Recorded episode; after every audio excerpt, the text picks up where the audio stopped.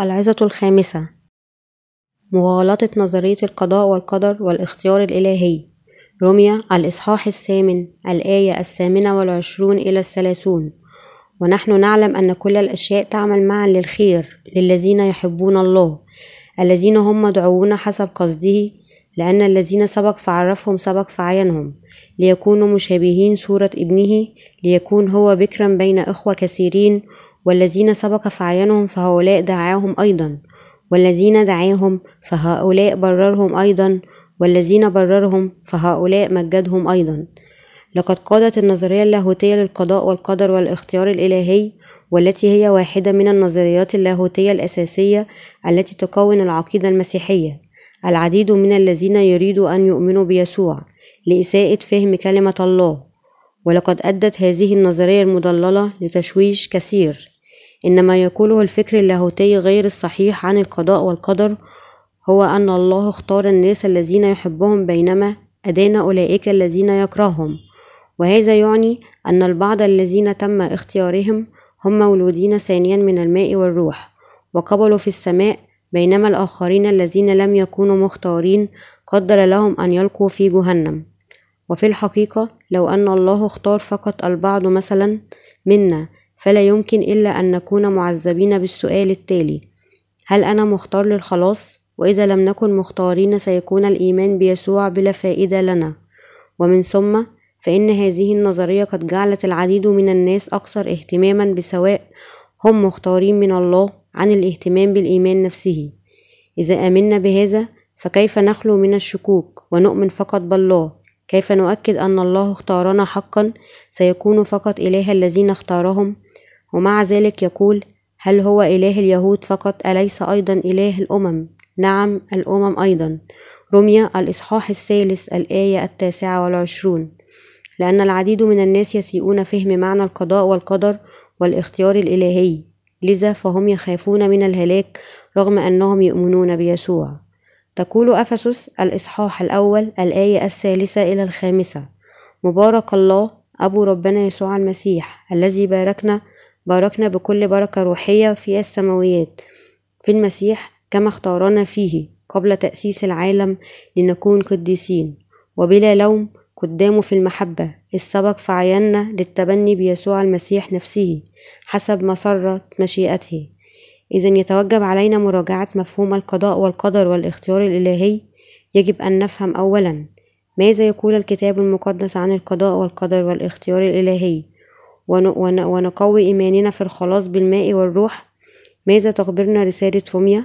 قدم بعض اللاهوتيين النظرية عديمة الأساس الاختيار غير المشروط. هل علم اللاهوت هو الله إذن؟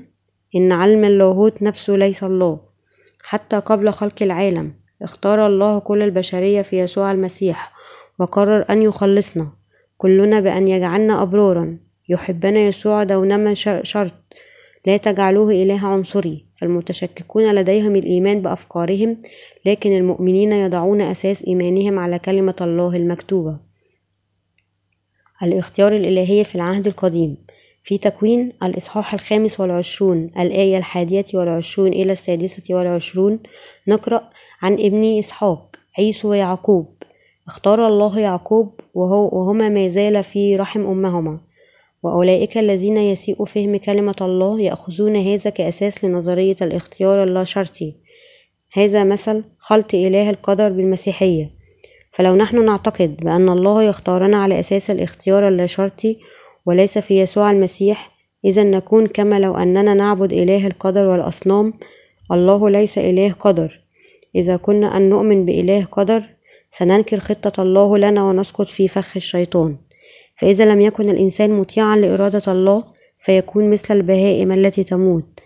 وحيث أننا نحن المؤمنون ليس بهائم فيتوجب علينا أن نكون مؤمنين حقيقيين الذين يقرؤون ويؤمنوا بالحق المكتوب في الكتاب المقدس. لعدم الإيمان بالحق المكتوب في الكتاب المقدس معناه أن تسلم نفسك للشيطان. والإيمان الصحيح يعني أننا يجب أولا أن نفكر بالحق المكتوب في الكتاب المقدس ونتبع إيمان أولئك المولودين في المسيح. تصر الكالفينية على محدودية الفداء. هذا يدل على أن حب الله وفداء الرب لا ينطبقان على البعض. هل يمكن أن يكون هذا حقيقي؟ يقول الكتاب المقدس الله يريد أن جميع الناس يخلصون. تيموساوس الأولى الإصحاح الثاني الآية الرابعة. فلو أن بركة الفداء فقط تنطبق على البعض فالعديد من المؤمنين سيتركوا الإيمان بيسوع. ومع ذلك من يريد أن يؤمن بمثل هذا الإله ضيق الأفق. فيتوجب علينا أن نؤمن بأن إلهنا ليس ضيق الأفق هو إله الحق الحب والعدل. يجب أن نؤمن بيسوع وبشارة الولادة الثانية من الماء والروح. وهكذا نخلص من كل خطايانا. يسوع هو مخلص كل المولودين ثانيا من الماء والروح وطبقا للكالفينية إذا كان هناك عشرة أشخاص فبعض منهم سيخلصون بواسطة الله بينما سيترك الآخرين ليحترقوا في نيران جهنم وهذا غير صحيح. ليس له أي معنى أن نقول أن الله يحب البعض ويترك الآخرين. تخيل أن الله هنا معنا اليوم وإذا قرر أن يختار أولئك الذين يجلسون عن يمينه بينما قرر أن يرسل كل أولئك الذين يجلسون على اليسار إلى جهنم. هل نعامله كالله؟ ألا يرفع أولئك الذين قد تم استبعادهم؟ يرفعون أصواتهم بالاعتراض؟ وتصرخ كل المخلوقات؟ كيف يمكن أن يكون الله غير عادل هكذا؟ الاختيار اللا شرطي غير صحيح لأن الله اختار كل البشرية في يسوع المسيح. ومن ثم فإن أي شخص دعا من الله باسم المسيح هو مختار. إذا من يدعو الله يدعو الخطاة وليس الأبرار. لا يدعو الله أولئك الذين يعتبروا أنفسهم أبرار. إن بركة الله بالفداء للخطاة أولئك الذين يلعنون في جهنم. الاختيار معناه أن الله يدعو الخطاة ليجعلهم أبنائه الأبرار. الله عادل وليس هو الإله الذي يجب يحب فقط المختارين بشكل لا شرطي.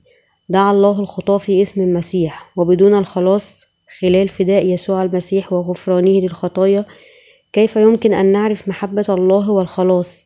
ألا يجعله هذا إله ظالم؟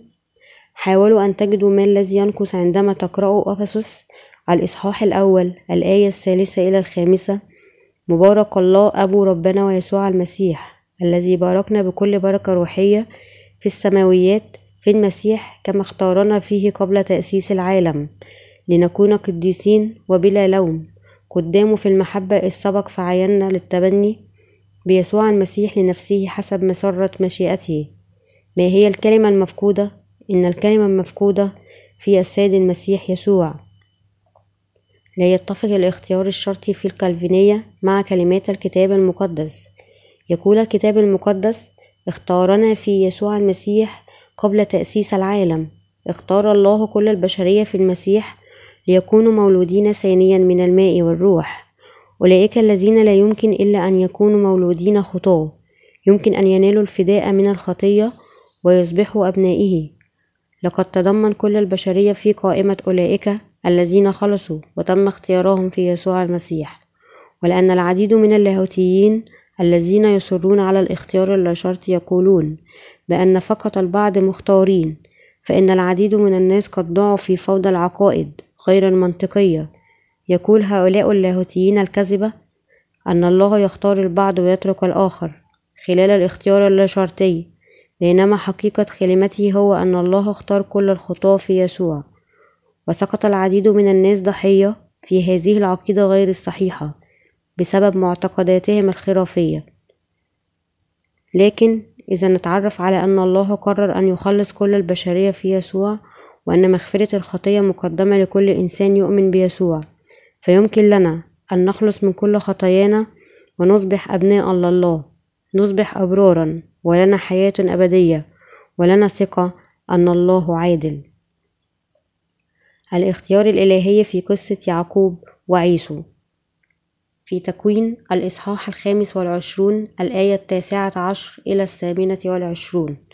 كان عيسو ويعقوب يتصارعان معا في رحم أمهم رفقة. قال الله في تكوين الإصحاح الخامس والعشرون الآية الثالثة والعشرون فقال لها الرب في بطنك أمتان ومن أحشائك يفترق شعبان. شعب يقوى على شعب وكبير يستعبد لصغير. ولقد غير الخطاة هذه الكلمات إلى نظرية القضاء والقدر اللاهوتية والاختيار الإلهي. تاركين العديد من المؤمنين بيسوع في حيرة. حيال سواء هم مختارين أم لا. عندما يعتبر أنفسهم مختارين يعتقدون بأنهم خلصوا ولا يهتمون بالولادة الثانية من الماء والروح. وعلى هذا فقد حول مفهوم الاختيار الإلهي اللاشرطي العديد من المؤمنين بيسوع وأخذهم بعيدا عن الفداء نحو الدينونة في جهنم.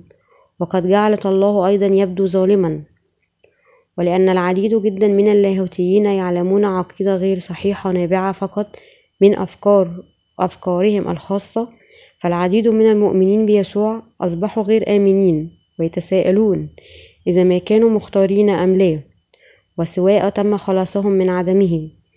من بين يعقوب وعيسو من الذي قد اختاره الله؟ اختار يعقوب في يسوع المسيح في رمية الإصحاح التاسع الآية العاشرة إلى الحادية عشر قيل أن الله دعا يعقوب بدلا من أخوه مع أنهم من رجل واحد وإلى الآن غير مولودين ولم يفعل شيء سوى خيرا أم شرا. كان قصد الله أن يختار يعقوب ليس بسبب أعماله لكن بسبب اختياره. يخبرنا الكتاب المقدس أن يسوع جاء ليدعو الخطاة وليس أولئك الذين عاشوا حياة مستقيمة. والبشر كنسل آدم هم مولودين بالخطية. قال داود أنه كان خاطئ منذ أن كان في رحم أمه وأنه كان مولودا في الخطية. حينذا بالاسم صورته بالخطية حبلت بي أمي سفر المزامير المزمور الحادي والخمسون الآية الخامسة. وعلى هذا فإن الإنسان يعتبر مولود خاطئ بسبب خطايا أسلافه. لذا كل شخص مولود في هذا العالم يصبح خاطئ بشكل غير متعمد ويفعل الشر. ويحمل ثمار الخطية. الطفل الذي إلى الآن لم يرتكب أي خطية هو بالفعل خاطئ لأنه مولود ببذرة الخطية فهو لديه أفكار شريرة زنا فجور وقتل في قلبه لأنه مولود بخطايا أسلافه. الإنسان خاطئ حتى قبل أن يولد والسبب الذي جعل الله يخلقنا ضعفاء هو كالتالي الإنسان خليقة الله لكن الرب قد خطط ليجعله ابنه بخلاصه من الخطية. لهذا سمح لآدم أن يرتكب الخطية وعندما صار البشر خطاة نتيجة لذلك. أرسل الله يسوع لهذا العالم وسمح لابنه الوحيد أن يأخذ كل خطايا البشرية بمعموديته. كان قصد الله أن يفدي البشرية بمعمودية يسوع ودمه على الصليب وأن يعطيهم السلطان لأن يصيروا أبنائه بالإيمان بيسوع. سمح الله لآدم أن يخطئ على وعد تطهير كل الخطية في المسيح. يقول الخطاة الذين يؤمنون بالعقيدة الخاطئة نظر الله ليعقوب وعيسو اختار واحدا وترك الآخر بلا شرط. إن الله لم يختارنا بشكل غير مشروط لكنه اختارنا في يسوع المسيح. نحن فقط يجب أن ننظر للكلمات المكتوبة في الكتاب المقدس. تقول رمية الإصحاح التاسع الآية العاشرة إلى الحادية إلى الثانية عشر وليس ذلك فقط بل رفقة أيضا وهي حبلة من واحد وهو إسحاق أبونا لأنه وهما لم يولدا بعد ولا فعل خيرا أو شرا لكي يثبت قصد الله حسب الاختيار. ليس من الأعمال بل من الذي يدعو قيل لها أن الكبير يستعبد للصغير. اختار الله يعقوب في يسوع كان يعقوب نموذج الخطاة. الخطاة الذين لا يستحقون ولا مفجوعين من برهم. تقول أفسس الإصحاح الأول الآية الرابعة إن الله اختارنا فيه. من الذي دعاه الله؟ دعا يعقوب لأنه عرف بأنه كان خاطئ وأثيم أمام الله وهو اعتمد على الله. دعا يعقوب في اسم ابنه يسوع وفداه ببشارة الماء والدم ليجعله ابنه. لذا دعا الله يعقوب وباركه بالفداء. دعا الله الخطاة ليجعلهم أبرارا خلال الفداء بيسوع تلك كانت خطة الله. العقيدة الخاطئة للاختيار اللاشرطي قرأت مؤخرا كتابا مستندا على قصة عن الاختيار غير المشروط. شاب صغير قد حلم. ظهرت امرأة عجوزة في الحلم له وأخبرته أن يأتي إلى مكان ما. وهو ذهب إلى المكان ثم أخبرته المرأة العجوز أنه قد اختير من الله. سأل المرأة العجوزة كيف اختاره الله بينما هو لا يؤمن حتى بالله. أخبرته أن الله اختاره على الرغم من جحوده بشكل غير مشروط. هذا غير صحيح. كيف يمكن أن يدين الله بعض الناس بشكل اعتباطي إلى جهنم ويختار الآخرين للخلاص؟ اختار الله كل إنسان في يسوع. إن نظرية الاختيار الإلهي اللاهوتية التي تستثنى يسوع هي باطلة. باطلة إنها غير صحيحة. لكن العديد من اللاهوتيين يصرون أن الله اختار فقط البعض منا وهذا ليس صحيح. يريد الله أن يخلص كل إنسان في يسوع؟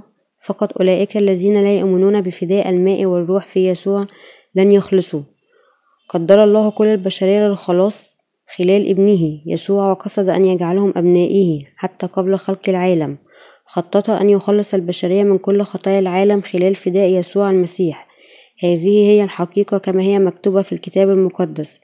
إن الأبرار الذين تجددوا في المسيح هم المختارين لكن اللاهوتيين يصرون أن الله يختار فقط البعض منا. يقولون على سبيل المثال أن رهبان بوذيين هم بين أولئك الذين لم يختارهم الله لكن الله اختارهم أيضا في يسوع. إذا اختار الله بشكل غير شرطي البعض بدون, بدون يسوع نحن لن نحتاج لأن نبشر بالإنجيل. وإذا الله قد خطط أن يختار شخص ما بدون يسوع لكن الخطاة لا يحتاجوا أن يؤمنوا بيسوع كيف إذا يمكن أن تتم كلماته الخاصة بالحب والحق والتحرير هل يوجد هناك أي سبب لخدام الله ليبشروا بالإنجيل في هذا العالم؟ هل له أي معنى أن الله قد اختار بشكل غير مشروط مسبقا المفديين والملعونين بدون يسوع؟ إن السبب الذي جعل الله اختار يعقوب في يسوع السبب أنه أحب يعقوب وكرهه غي وكره عيسو.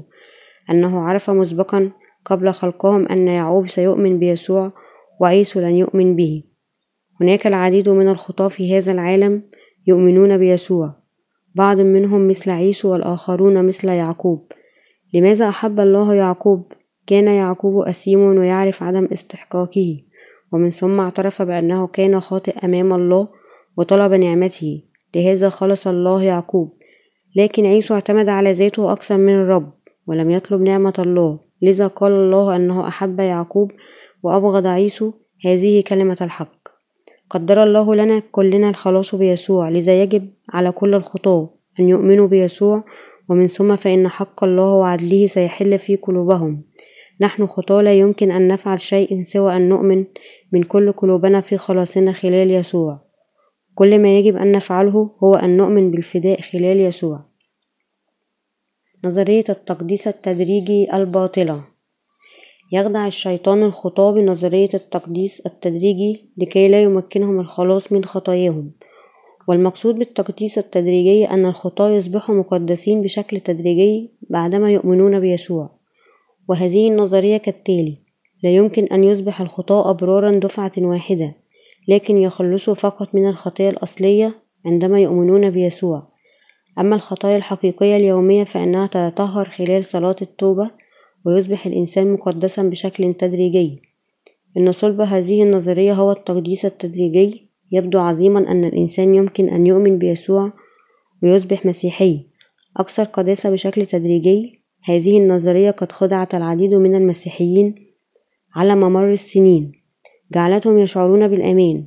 هذا هو السبب أن هناك الكثير جدا من المسيحيين الأكثر قداسة عنك في المسيحية.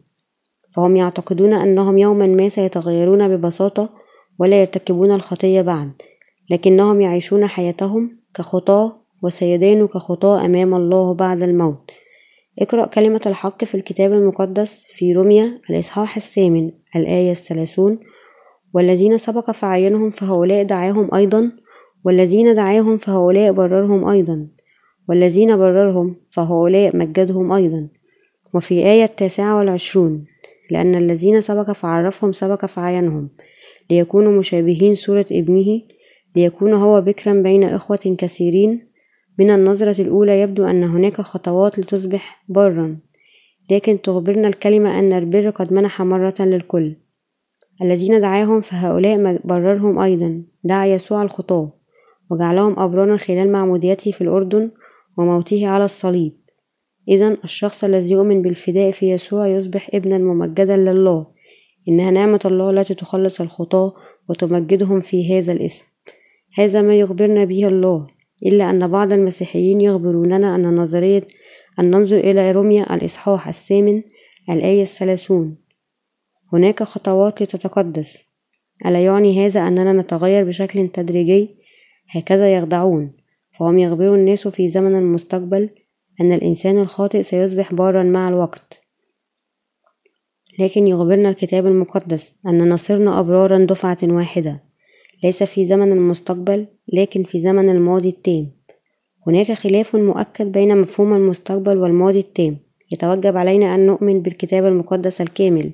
فطبقا لما هو مكتوب يمكن أن نصبح أبناء لله بشكل نهائي وهذا مختلف جذريا عن نظرية التقديس التدريجي.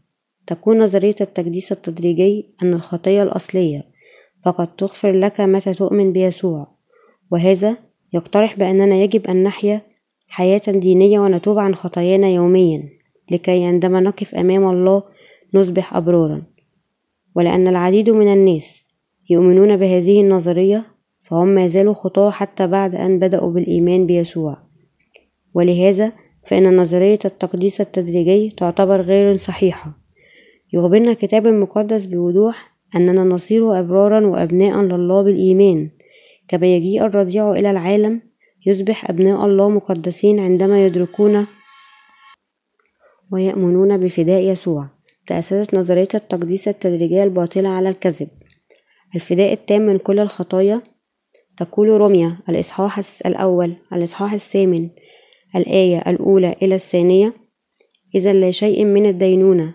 الآن على الذين هم في مسيح يسوع. السالكين ليس حسب الجسد بل حسب الروح. لأن ناموس روح الحياة في المسيح يسوع قد اعتنق اعتنقني من ناموس الخطية والموت. يخبرنا هذا أن الله جعل كل الخطاة أبرارا وخلص كل الذين جاءوا إلى يسوع من ناموس الخطية والموت. يخبرنا الكتاب المقدس عن الفداء الكامل في عبرانيين الإصحاح التاسع الآية الثانية عشر وليس بدم تيوس وعجول بل بدم نفسه دخل مرة واحدة إلى الأقداس فوجد فداء أبدي. وهذا يعني أننا نحن الذين نؤمن بيسوع قد نلنا الفداء وقبلنا في السماء. لقد سمعنا وأمنا ببشارة الفداء للماء والروح في يسوع المسيح وقد غفرت خطايانا. لكن الخطاة الذين يؤمنون أن الخطية الأصلية فقط قد غفرت لهم لا يمكنهم نوال الخلاص حقا ولكي يتقدسوا من الخطايا التي يرتكبونها بعد إيمانهم بيسوع يشعرون بأنهم يجب أن يتوبوا يوميا. يقودهم إيمانهم المضلل نحو جهنم فمعتقداتهم الخطأ تجعلهم يندموا يوميا لكي يحرروا أنفسهم من كل شرورهم. وهذا ليس الإيمان الحقيقي الذي يخلصنا من جهنم فإذا آمنوا بيسوع وتم فدائهم دفعة واحدة سيصبحوا أبرارا وأبناء لله فالفداء الحقيقي يجعل المؤمنين أبرارا ويحولهم إلى أبناء الله بشكل نهائي. ورغم أن المؤمنين قد خلصوا من كل خطايا العالم إلا أن أجسادهم لا تتغير حتى يموتون لكي تحيا قلوبهم في بر الله. فلا يجب أبدا أن نسيء فهم هذه الحقيقة. يخبرنا الكتاب المقدس أننا نتقدس ونصبح أبرارا عندما نؤمن بالإنجيل. دعونا ننظر إلى عبرانيين الإصحاح العاشر الآية التاسعة إلى الرابعة عشر لنرى البشارة الحقيقية. ثم قال هنذا آجي لأفعل مشيئتك يا الله. ينزع الأول لكي يثبت الثاني فبهذه المشيئة نحن مقدسون بتقديم جسد يسوع المسيح مرة واحدة. وكل كاهن يقوم كل يوم يخدم ويقدم مرارا كثيرة عن الذبائح عينها التي لا تستطيع البتة أن تنزع الخطية. وأما هذا فبعد قدم عن الخطايا ذبيحة واحدة جلس إلى الأبد عن يمين الله منتظرا بعد ذلك حتى توضع أعدائه موطئا لقدميه لأنه بقربان واحدا قد أكمل إلى الأبد المقدسين. فبهذه المشيئة نحن مقدسون بتقديم جسد يسوع المسيح مرة واحدة. لاحظ بأن هذا مكتوبا في الزمن المضارع التام وليس في زمن المستقبل. وليتقدس الإنسان بالكامل عليه أن يؤمن بالفداء بالماء والروح الذي قدمه لنا يسوع. منح يسوع الفداء الأبدي بشكل نهائي لنا. إذا آمنا بالفداء السرمدي ليسوع نصبح أبرارا دفعة واحدة.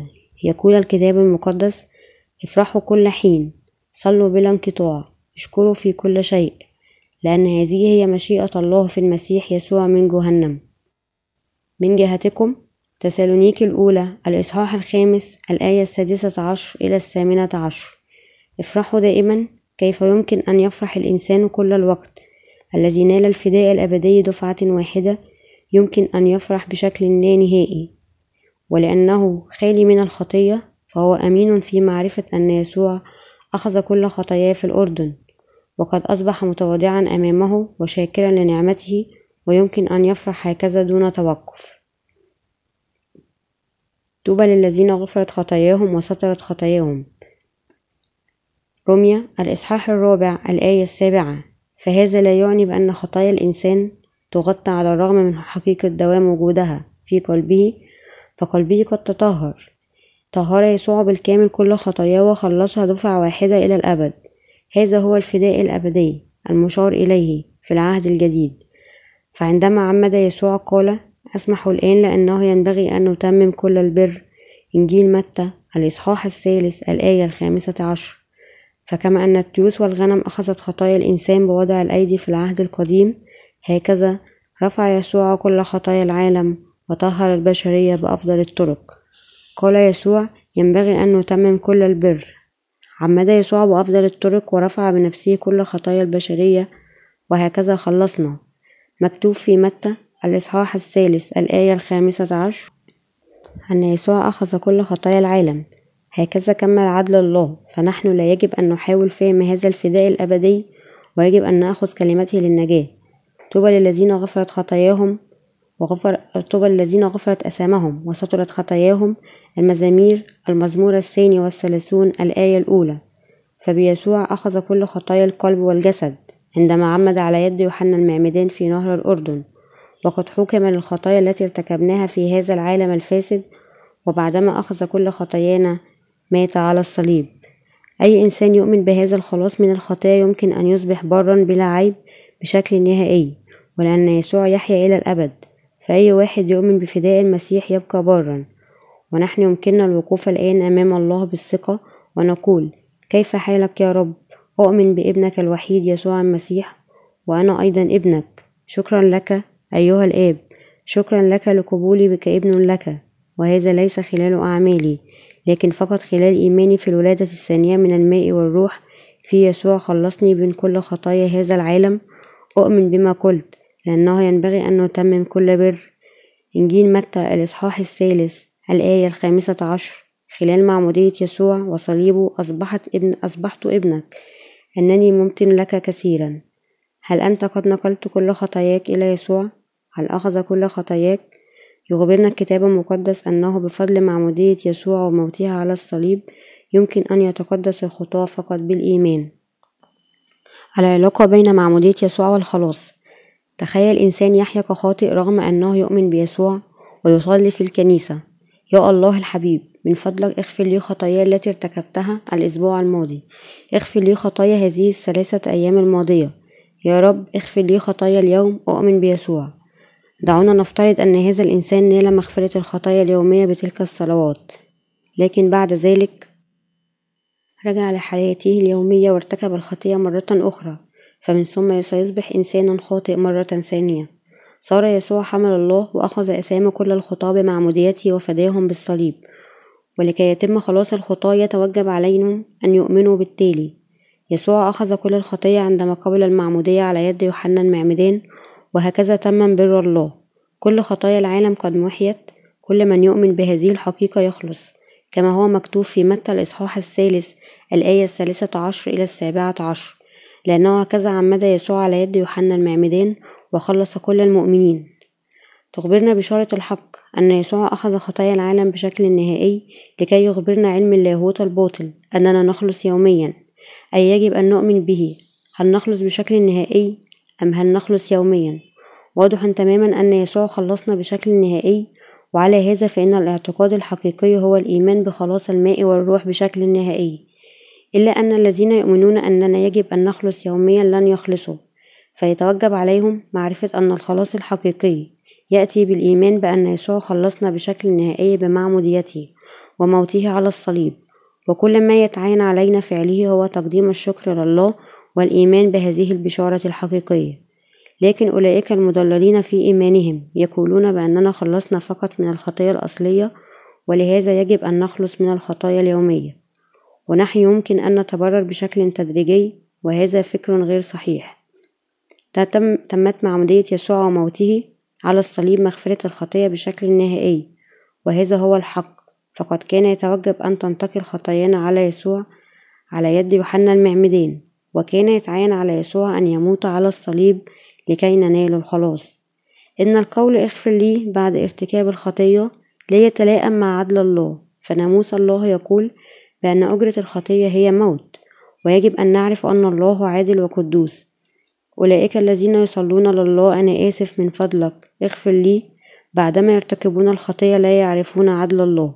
فهم يصلون طلبا للمغفرة لكن فقط ليخففوا الوزر عن ضمائرهم.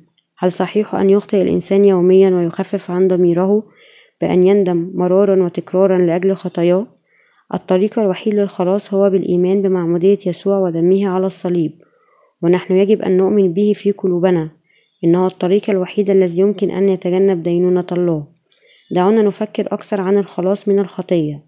تقول عبرانيين الإصحاح التاسع الآية الثانية والعشرون كل شيء تقريبا يتطهر حسب الناموس بالدم وبدون سفك دم لا تحصل مغفرة. فطبقا لناموس الله العادل يتوجب عن الخطايا أن تتطهر بالدم. بدون سفك الدم ليس هناك مغفرة. هذا ناموس الله العادل. بدون دفع أجرة الخطية لا يمكن أن يكون هناك مغفرة. فناموس الله العادل وعلى هذا عمد يسوع على يد يوحنا المعمدان ونزف على الصليب ليخلصنا نحن الخطاة. أخذ كل تعدياتنا بمعموديته وسفك دمه على الصليب ليدفع عن كل خطايانا دفع أجرة الخطية عنا. في متى الإصحاح الثالث الآية الخامسة عشر عندما عمد يسوع بأفضل الطرق محى كل الخطايا بمعموديته ومات على الصليب ليخلصنا من كل خطايا العالم. وعلى هذا فطلب المغفرة يوميا سيكون بمثابة طلبك منه أن يأخذ خطايانا ويموت مرة ثانية من البداية. يتوجب أن نفهم حقا أن ناموس الله العادل. يسوع ليس من واجبه أن يموت مرارا وتكرارا ليخلصنا من خطايانا. فطلب مغفرة الخطايا اليومية مرارا وتكرارا من قبل المؤمنين بيسوع. يعتبر أمرا أكثر وقاحة أمام الله. هؤلاء المغفلين الواقحين فهم يطلبون من ابن يسوع أن يعمد مرة أخرى ويصلب ثانية على الصليب. يؤمنون بالخلاص بيسوع ومع هذا يدعون أنفسهم خطاة سأحاكمكم بناموس العادل ويرسلون كلهم لنيران جهنم. فهل أنت تريد أن تقتل ابنك الوحيد مرتين؟ أنت تطلب مني أن أقتل ابني مرة ثانية بسبب خطاياك اليومية؟ أنا قد قتلت ابني مسبقا لأخلصك مرة من كل خطايا العالم. لذا لا تزيد غضبي بالطلب مني أن أغفر عن خطاياك اليومية. مرارا وتكرارا فقط. آمن ببشارة الخلاص للماء والروح. يخبر يسوع أولئك الذين يبكون خطاء أنه يتعين عليهم الذهاب إلى كنيسة حيث يتم التبشير بالبشارة الحقيقية وأن يتخلوا عن المعتقدات الزائفة ويقبلوا الخلاص بالتغلب على الكذب بالإيمان. الآن وقت لك تخلص بالإيمان بقلبك فهل تؤمن؟ نتيجة الإيمان الذي ليس بالحق لكن بالأعمال.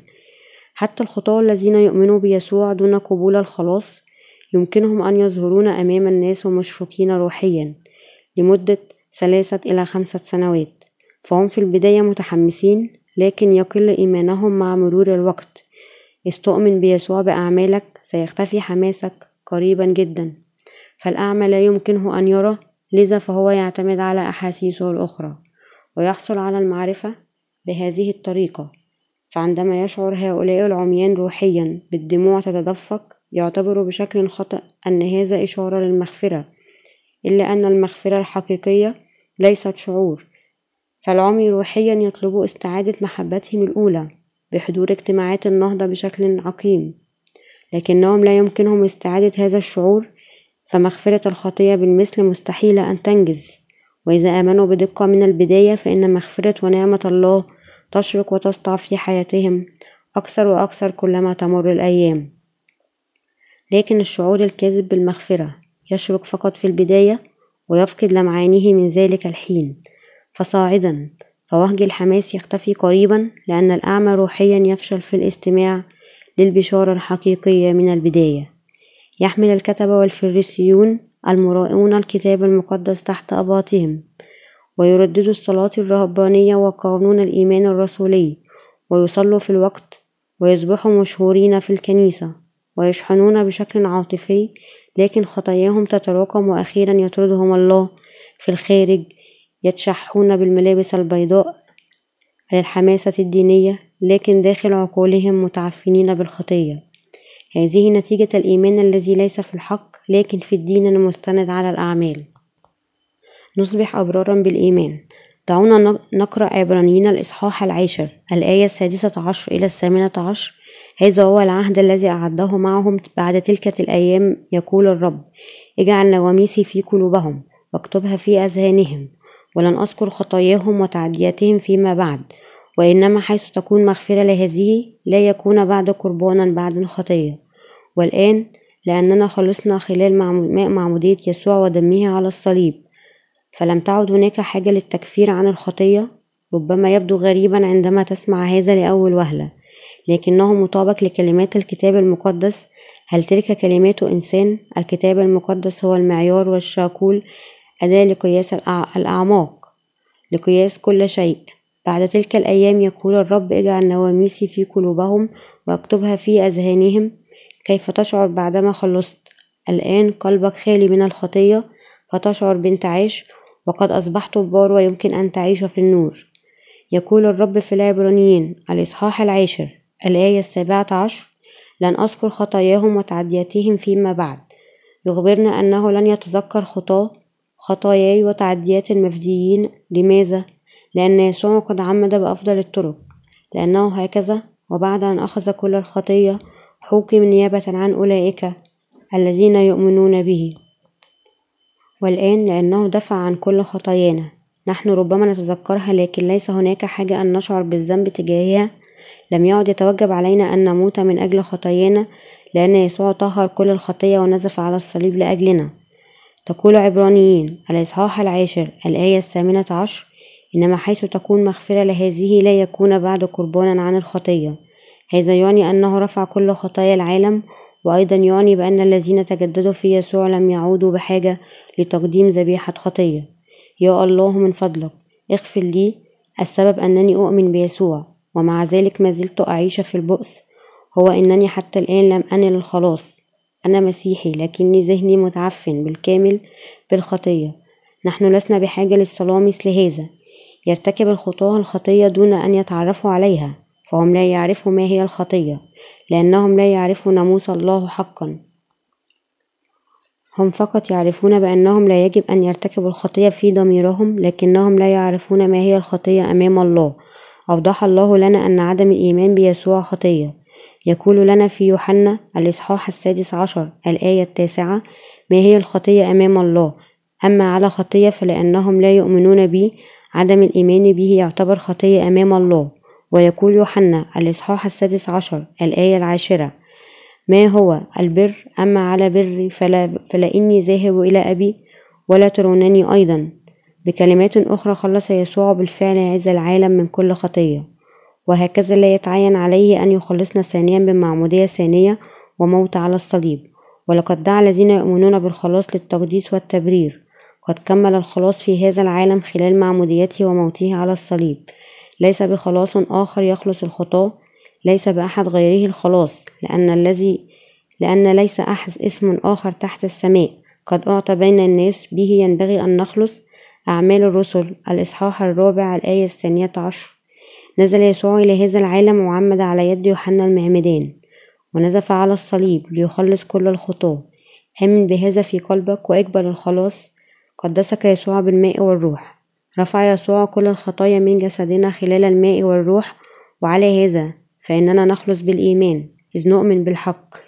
إذ نؤمن بالإنجيل خلال يسوع المسيح نصبح أبرارا بشكل نهائي. معمودية يسوع موته على الصليب هما الحقيقة الأساسية. الآيات التي يتزرع بها الخطاة تقول يوحنا الأولى الإصحاح الأول الآية التاسعة إن اعترفنا بخطايانا فهو أمين وعادل حتى يغفر لنا خطايانا ويطهرنا من كل اسم. سيكون لطيفا إذا كان الأمر أننا نحتاج فقط أن نعترف بخطايانا لتغفر لنا. وبالتفكير بهذا جاء بعض اللاهوتيين بفكرة عظيمة لعقيدة جديدة. فهم يصرون أن كل مرة يعترف فيها الشخص بخطاياه يمكن أن يغفر له.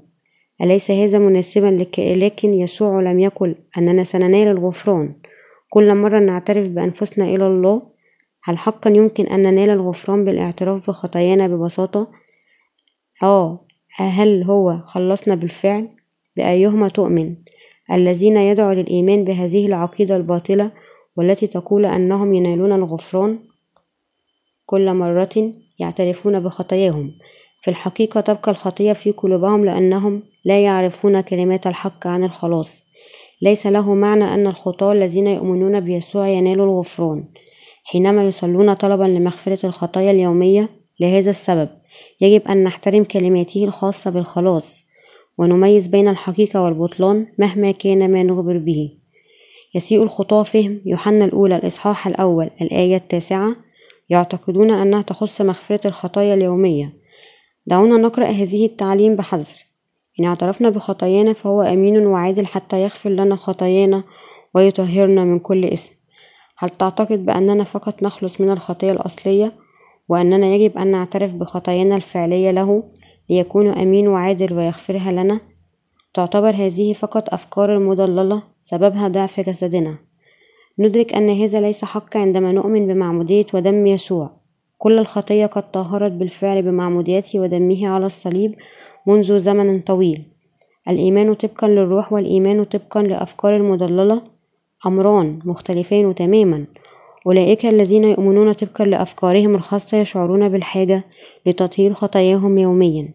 لكن أولئك الذين يؤمنون بخلاص الماء والدم يعرفون أنهم خلصوا بشكل نهائي خلال معمودية ودم يسوع المسيح.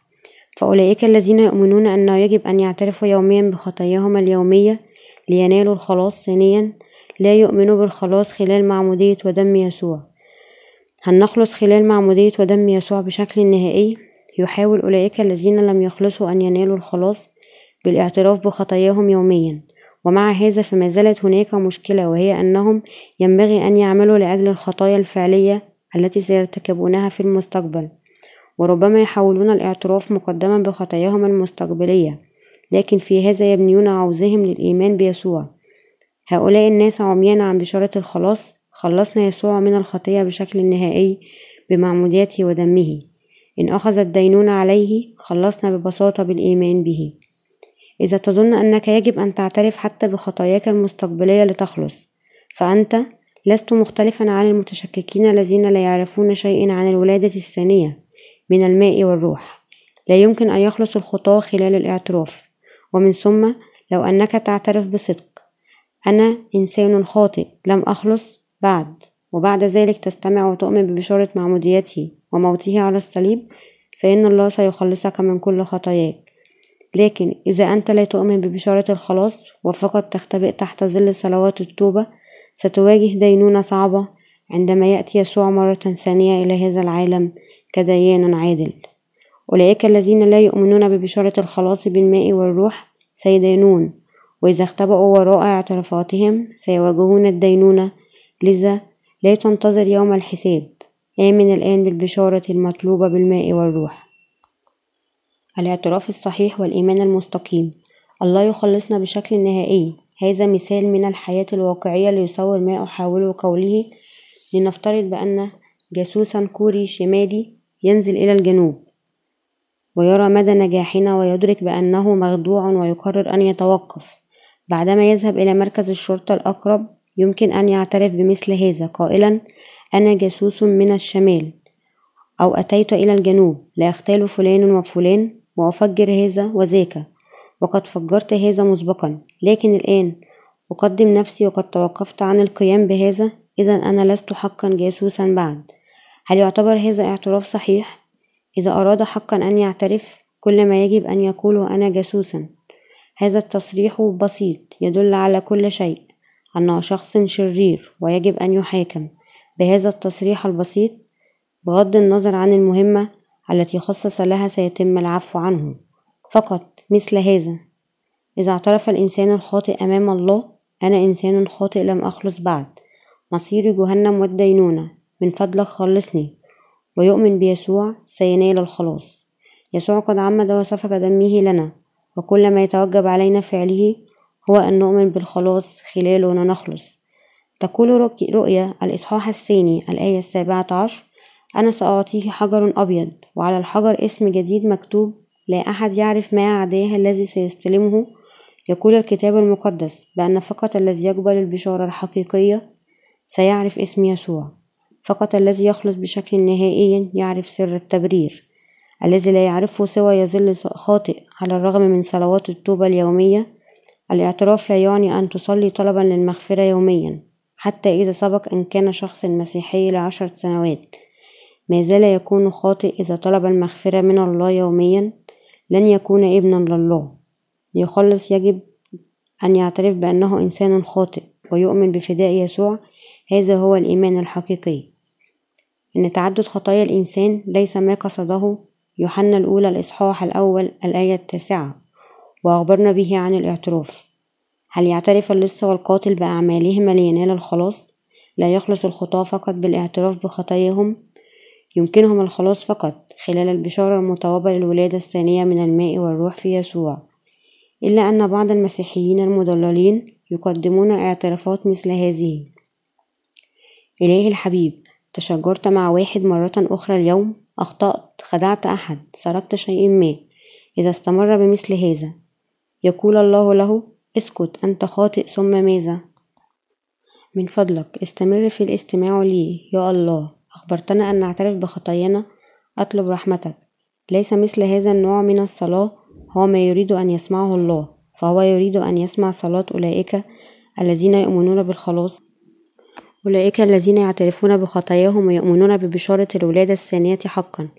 قال أغسطينوس أنه تاب عن رضاعة صدر أمه. أعتقد أن هذا النوع من الاعتراف يقوده لملكوت السماوات. يمكننا أن نسخر فقط من هذا الاعتراف. بالخطايا فقط لن يفيد. يقول الله اسكت وفقد أخبرني أن إذ أنت قد أخطأت. إذا فعلت إذا توقف عن التحدث عنه. لقد آمنت بشكل خاطئ حتى الآن. اذهب إلى كنيسة حيث يعلمون بالحقيقة. آمن ببشارة الخلاص بالطريقة المثلى واقبل الخلاص. إذا لم تفعل سآتي وأدينك صلاة التوبة للمغفرة وأي محاولات أخرى للخلاص خلال الاعتراف تدل اعتقاد مضلل وغير صحيح مكتوب في يوحنا الأولى الإصحاح الأول الآية التاسعة أنه عندما نعترف بكل خطايانا فإن بشارة الماء والدم ستخلصنا من كل الخطية. اذهبوا عني. ضل الخطاة المسيحيون عن الإيمان ويمارسوا الشر أمام يسوع كثيرون سيقولون لي في ذلك اليوم يا رب لا يا رب أليس باسمك تنبأنا؟ وباسمك أخرجنا شياطين وباسمك صنعنا قوات كثيرة؟ فحينئذ أصرح لهم أني لم أعرفكم قط اذهبوا عني يا فاعل الاسم. متى؟ الإصحاح السابع الآية الثانية والعشرون إلى الثالثة والعشرون. تخيل بأنك الشخص الذي يثق بالكذب يموت ثم يقف أمام الله ويقول كيف حالك يا رب؟ كنت جميلا جدا عندما كنت أفكر بك هناك لكي تبدو لي أكثر جمالا هنا. شكرا لك يا رب خلصني. أعتقد أنك تنظر إلى الكبار مع أنني عندي خطية في قلبي وأنا أتيت هنا لأنك وعدت أن تأخذني للسماء. الآن سأذهب هناك حيث حدائق الزهور مع السلامة وأتمنى أن أراك. يبدأ في السير نحو الحديقة لكن يوقفه يسوع. انتظر لننظر ما إذا هو هذا الرجل. عنده خطية في قلبه. هل أنت خاطئ؟ بالطبع عندي خطية لكن ألم أؤمن بك؟ هل عندك خطية مع إنك تؤمن بي؟ أكيد عندي خطية ماذا؟ هل عندك الخطية؟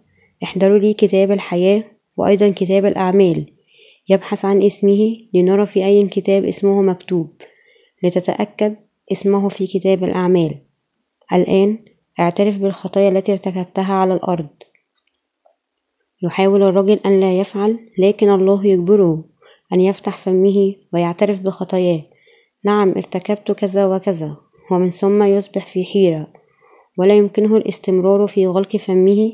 حسنا هذا كافي.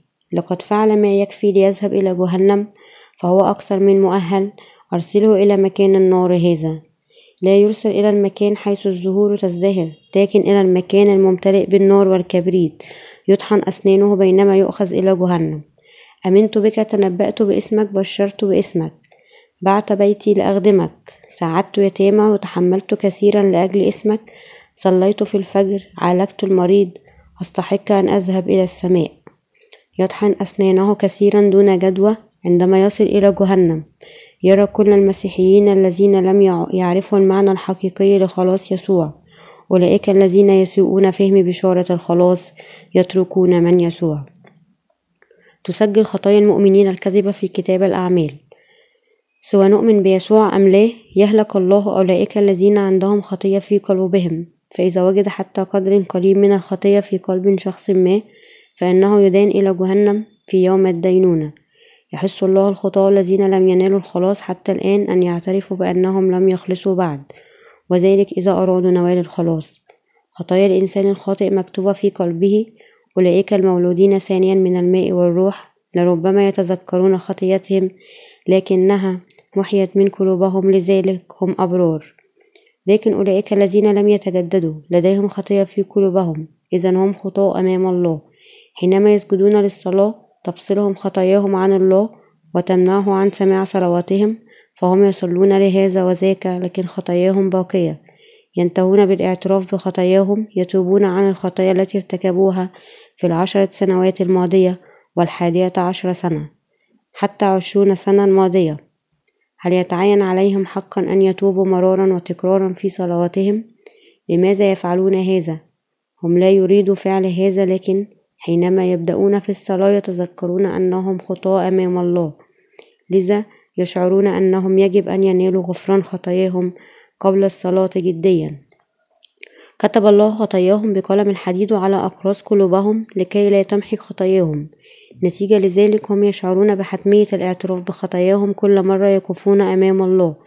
لذا أولئك الذين يؤمنون فقط بنصف الإنجيل الكامل ليسوع يجب أن يعيشوا في بؤس كخطاة وينتهوا في جهنم. في أرمية الإصحاح السابع عشر الآية الأولى مكتوب.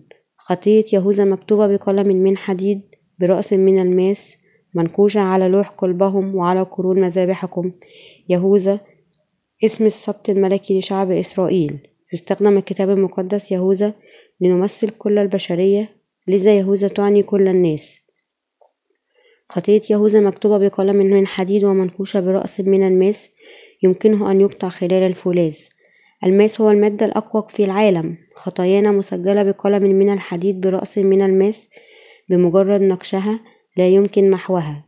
لن تمحي ما لم نؤمن بحقيقة الماء والروح. لا فائدة للخلاص في أفكارهم ولا للإيمان بالمعتقدات المسيحية.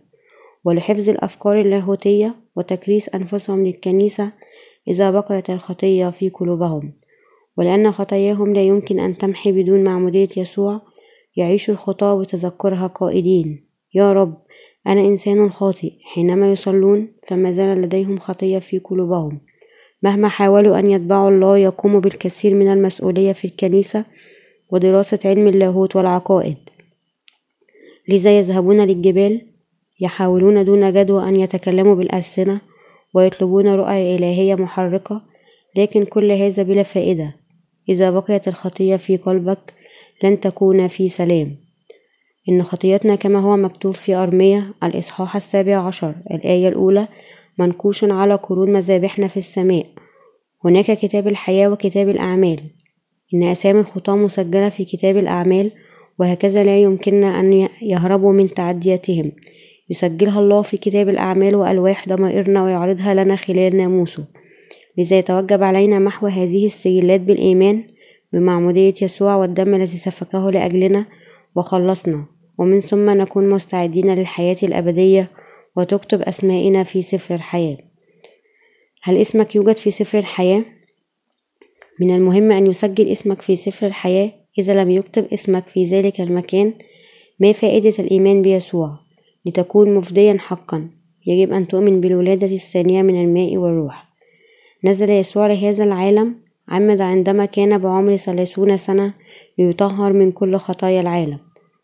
ومات على الصليب ليخلصنا. كما هو مكتوب في متى الإصحاح الثالث الآية الخامسة عشر. لأنه هكذا يسوع عمد وصلب على الصليب يجب أن نؤمن بهذا لتسجل أسماءنا في سفر الحياة. عندما يموت الناس ويقفوا أمام الله يقول الله انظروا ما هذا كان اسم هذا الإنسان مكتوب في سفر الحياة. نعم يا رب نعم أنت قد عانيت وضرفت الدمع على الأرض لأجلي الآن لن أجعلك تقوم بهذا ثانيا. يمنحه الله إكليل البر كجائزة. شكرا لك يا رب. أنا ممتن لك إلى الأبد. يا ملائكة ضعوا الإكليل على هذا الرجل. يا رب إنه أكثر من كفاية أنك خلصتني. سيكون التاج أكثر من اللازم لي. شكرا لك. أنا ممتن جدا أنك خلصتني. يرضيني فقط أن أحيا معك. يا ملائكة اركعوا وخذوا هؤلاء العشر آلاف ابنا لي على ظهوركم. تجيب الملائكة؟ نعم يا سيد من فضلك تقدم على ظهري. إنه مريح جدا. هل هذا حسنا؟ دعونا نستمر في المضي. تخطوا الملائكية بحذر هل تود أن تتمشى؟ ياه إنه جميل جدا هنا. كم كبير هذا المكان. أنا كنت وما زلت أذهب في جميع أنحاء المكان لبلايين السنين. لكن مع هذا لا أجد نهايته هل هذا حقيقي؟ لابد وأنني ثقيل الآن. يمكنك أن تنزلني الآن؟ نحن لا ننفض قوتنا هنا. شكرا لك. لكن أنا أريد أن أقف على أرض ملكوت السماوات الآن حيث يوجد الأبرار الذين وصلوا قبلي. إنهم هناك. لنذهب. هللويا يعانقون كل منهم الآخر ويبتسمون ويعيشون بسرور إلى الأبد. تخيل الآن إنسان يؤمن بيسوع. لكن ما زال لديه خطية. يموت ويقف أمام الله ويقول أيضا أنه يؤمن بيسوع ويعترف بأنه خاطئ. يقول الله انظروا هل تجدوا اسم هذا الرجل في سفر الحياة؟ إنه ليس في السفر يا رب. إذا انظروا في سفر الأعمال. اسمه وخطاياه هنا. إذا أرسلوا هذا الرجل إلى المكان حيث لن يقلق بشأن تكلفة الوقود واتركوه حي هناك إلى الأبد. أو يا رب هذا غير عادل جدا. يقول إنه غير عادل.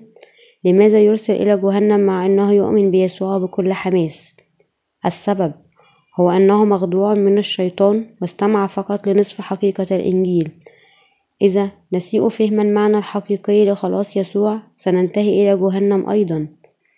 آمن هذا الرجل بيسوع ومع ذلك فقد خدعه الشيطان وصدق أنه كان خاطئا. لو كان قد سمع البشارة الحقيقية لأدرك أن اعتقاده كان خطأ لكنه فشل في أن يؤمن بسبب ارتباطه بمعتقداته المخطئة بغرور. إذا أردت أن تذهب إلى ملكوت السماوات يجب أن تؤمن بالولادة الثانية من الماء والروح. كما هو مكتوب لأنه هكذا يسوع أخذ كل خطايا العالم أنت يجب أن تؤمن بخلاص الماء والدم. إذا اخترت أن تصدق أي شيء مثل شخص حسن الأخلاق لا يرفض أبدا طلب الآخرين. أنت لربما تنتهي إلى جهنم. هناك العديد من الناس حسن الأخلاق في جهنم لكن في السماء هناك مقاتلون حقيقيون حاربوا من أجل ما يؤمنوا به. عرف الذين في السماء بأنهم كانوا خطاة مصيرهم جهنم وآمنوا بشكل ممتن أن خطاياهم قد طهرت خلال معمودية ودم يسوع. قيل بأن هناك روابي من الآذان والأفواه في السماء ولأن العديد من الناس يؤمنون بخلاص يسوع فقط بأفواههم وأذانهم يلقى الله بقية أجسامهم في النيران المحرقة بالكبريت. تخيل بأن الشخص الذي يؤمن بيسوع لكن ما زال لديه خطية في قلبه. يقف أمام الله ويقول يا رب دعين الناس بار لأني آمنت بيسوع ومع ذلك عندي خطية في قلبي. أؤمن أنك تنظر أيضا علي كشخص بار. هذا ما تعلمته وما أؤمن به. فقط أؤمن كما يؤمن العديد من الناس. أتيت من الإيمان الأكثر انتشارا. يجيب الرب أنا لا يمكن أن أغفر لأولئك الذين عندهم خطية في قلوبهم. لقد طهرت كل أسامك ببركة الولادة الثانية من الماء والروح. لكنك رفضت أن تثق بها يا ملائكة. ضعوا هذا الرجل الوقح في نيران جهنم. أي شخص يؤمن بيسوع لكن ما زال يعتقد أنه لديه خطية في قلبه؟ سينتهي إلى جهنم. استمع إلى بشارة الخلاص الحقيقية وأخلص من كل خطية وإلا ستحرق تحرق في جهنم. أن نقول بأنك بار بينما عندك خطية في قلبك هو خداع لله. يمكن أن نرى كم الخلاف كبير بين الخطاة والأبرار. في النهاية ستدرك لماذا أناشدك لقبول الخلاص؟ سنرى الخلاف بين أولئك الذين يمنوا بالخلاص الكامل مع معمودية يسوع موته في الصليب وأولئك الذين لا عندما تبلغ مفترق الطرق بين السماء وجهنم. سيكون فرق كبير سيدخل البعض في ملكوت السماوات لكن الآخرين سيذهبون إلى جهنم. هل تؤمن بيسوع؟ لأنك ما زلت إنسان خاطئ. إذا أنت يجب أن تدرك أنك يجب أن تولد ثانيا من الماء والروح. يرسل الله أولئك الذين لديهم خطية في قلوبهم إلى جهنم فقط أولئك الذين يؤمنوا بالكامل بمغفرة الخطية. يمكن أن يدخلوا ملكوت السماوات. افعل هذا الآن. إذا تؤجله يحتمل أن يكون متأخرا جدا. كن مستعدا مقدما قبل أن تنتهي في جهنم. آمن بخلاص الماء والروح وكن مقدسا. المجد لربنا يسوع. نشكره لرقته في جعلنا نحن الخطاة أبرار. هللويا. يسوع المدافع عن الأبرار. دعونا نقرأ يوحنا الأولى الإصحاح. الثاني الآية الثانية الأولى والثانية. يا أولادي أكتب إليكم هذا لكي لا تخطئوا وأن أخطأ أحد فلنا شفيع عند الآب. يسوع المسيح البار وهو كفر لخطايانا ليس لخطايانا فقط بل لخطايا كل العالم أيضا. انظر لهذا. هل هناك أي شخص يؤمن لكنه ما زال لديه خطية في قلبه؟ إذا كان لديك خطية في قلبك لكن تخبر الله أنك لا. فأنت تخدعه وأنت تخدع نفسك أيضا. لكن إذا تفهم يسوع حقا وتؤمن بما فعل ليطهر كل الخطايا في الأردن ستكون بالكامل خاليا من الخطية. يمكنك إذا أن تقول يا رب ولدت ثانيا من الماء والروح فيك. ليس عندي خطية يمكن أن أقف أمامك بدون خزي. ثم يجيبك الرب نعم أنت على حق. كما أن إبراهيم آمن بي وآمن أنه بار أنت أيضا بار. لأن يسوع طهر كل خطاياك. لكن فكر في إنسان ما زلت الخطية في قلبه مع أنه يؤمن بيسوع. يقول لأنني أؤمن بيسوع سأذهب إلى السماء حتى إذا كان لدي خطية قليلة في قلبي. وهو يريد بشدة أن يدخل السماء لدرجة أنه يحاول أن يقاوم بينما هو قائم أمام عرش الدينونة. لكنه سينتهي في جهنم. لماذا؟ فهو لم يعرف البشارة المطوبة للولادة الثانية من الماء والروح. يجب أن يعرف كل شخص أن يجب يعترف بأنه خاطئ خلال أيامه على الأرض أنه خاطئ سأذهب إلى جهنم. برجاء خلصني. لا يخلص الإنسان الخاطئ بصلوات التوبة. بالأحرى يجب أن يعترف بأنه إنسان خاطئ ويقبل الفداء بالماء والروح ليخلص. يمكنه فقط أن يصبح بإخلاص خلاص الماء والروح. إنها البشارة الباطلة. أن يصر بأنه فقط الخطية الأصلية تغفر له في يسوع ونحن يجب أن نتوب عن خطايانا الواقعية لننال الخلاص هذا يقودنا مباشرة لجهنم لذا يفنى العديد من المؤمنين أنفسهم إلى جهنم بالإيمان بهذه البشارة الباطلة ويعتبر هذا الجنوح في هذه الأيام أكثر سيادة هل تعرف ما إذا سقطت في البشارة الباطلة أم لا؟ هل ما زلت مدين حتى بعد دفع كل ديونك؟ فكر في الموضوع إذا ما زلت تعتبر نفسك خاطئ بينما تؤمن بيسوع هل يمكن أن يقال بأنك تؤمن به بشكل صحيحي؟ هل أنت مؤمن وخاطئ؟ أم هل أنت مؤمن ورجل بار؟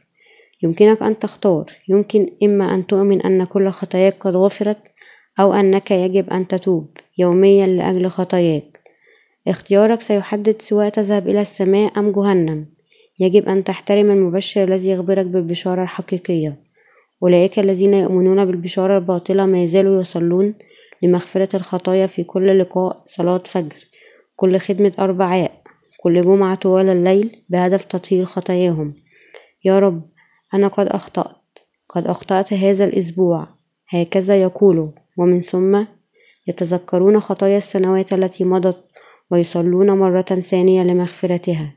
إن هذا يتحدى البشارة الموهوبة للولادة الثانية من الماء والروح. خطايانا تتطهر بالدم. تقول العبرانيين الإصحاح. التاسع الآية الثانية والعشرون بدون سفك دم ليس هناك مغفرة. استعتقد أنك عندك خطية إذا هل تسأله أن ينزف لك ثانيا؟ أولئك الذين لا يؤمنوا بالفداء الكامل هم خطاة. يحولوا خلاص يسوع إلى كذب. هم في الحقيقة يصرون أن يسوع لم يخلصنا بشكل نهائي وأنه كذاب. ليتم الخلاص في يسوع. يجب أن تؤمن بحقيقة الخلاص للماء والروح. هل حقا يمكنك أن تنال مغفرة الخطايا بمئات ألاف ملايين الصلوات؟ البشارة الحقيقية تخلصنا بشكل نهائي. كن بار واذهب لملكوت السماوات وعيش حياة مستقيمة في كل حين. عيش حياة جديدة في يسوع الماضي. انتهي وأصبحت خليفة جديدة. ذهب الماضي المبدد. آه يسوع حياتي الحقيقية. أعيش حياة جديدة في يسوع. أنت تعيش حياة جديدة في يسوع بغض النظر عن سوى لا تبدو وسيم مثلما تريد سوى أنت قصير جدا أو سمين جدا. أولئك الذين يبركون ببشارة الولادة الثانية من الماء والروح يحيوا حياة سعيدة. ماذا يهم؟ إذا كان أنفك ليس له الشكل المثالي أو أنك قصير قليل لأنك نحن لأننا نحن لسنا كاملين. نخلص بالإيمان بالولادة الثانية من الماء والروح في يسوع لكن سينتهي أولئك المغرورين إلى جهنم. شكرا لك يا رب. أقدم دائما الشكر للرب لأننا نؤمن بالولادة الثانية من الماء والروح. سنلاقى بالترحاب في السماء. عدم الحق يؤدي بنا إلى جهنم. يخبرنا الكذب أننا يجب أن نتوب يوميا لننال المغفرة لكن بشارة الماء والروح تخبرنا أننا نلنا مسبقا غفران كامل وكل ما يجب فعله هو الإيمان. أي أن منهما هو الحق. هل من واجبنا أن نتوب يوميا؟ أم هل صحيح أن نؤمن أن يسوع خلصنا عندما عمد بالأسلوب المناسب ليأخذ كل خطايانا؟ الحقيقة أن يسوع أخذ خطايانا بشكل نهائي وبتلك الطريقة الصحيحة قدم لنا الخلاص. يجب أن ننتصر على الكذب في الحرب الروحية.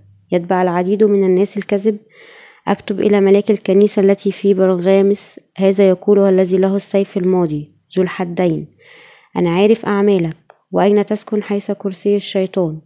وأنت متمسك باسمي ولم تنكر إيماني حتى في الأيام التي فيها كان أنتيباس شهيدي الأمين الذي قتل عندكم حيث الشيطان يسكن.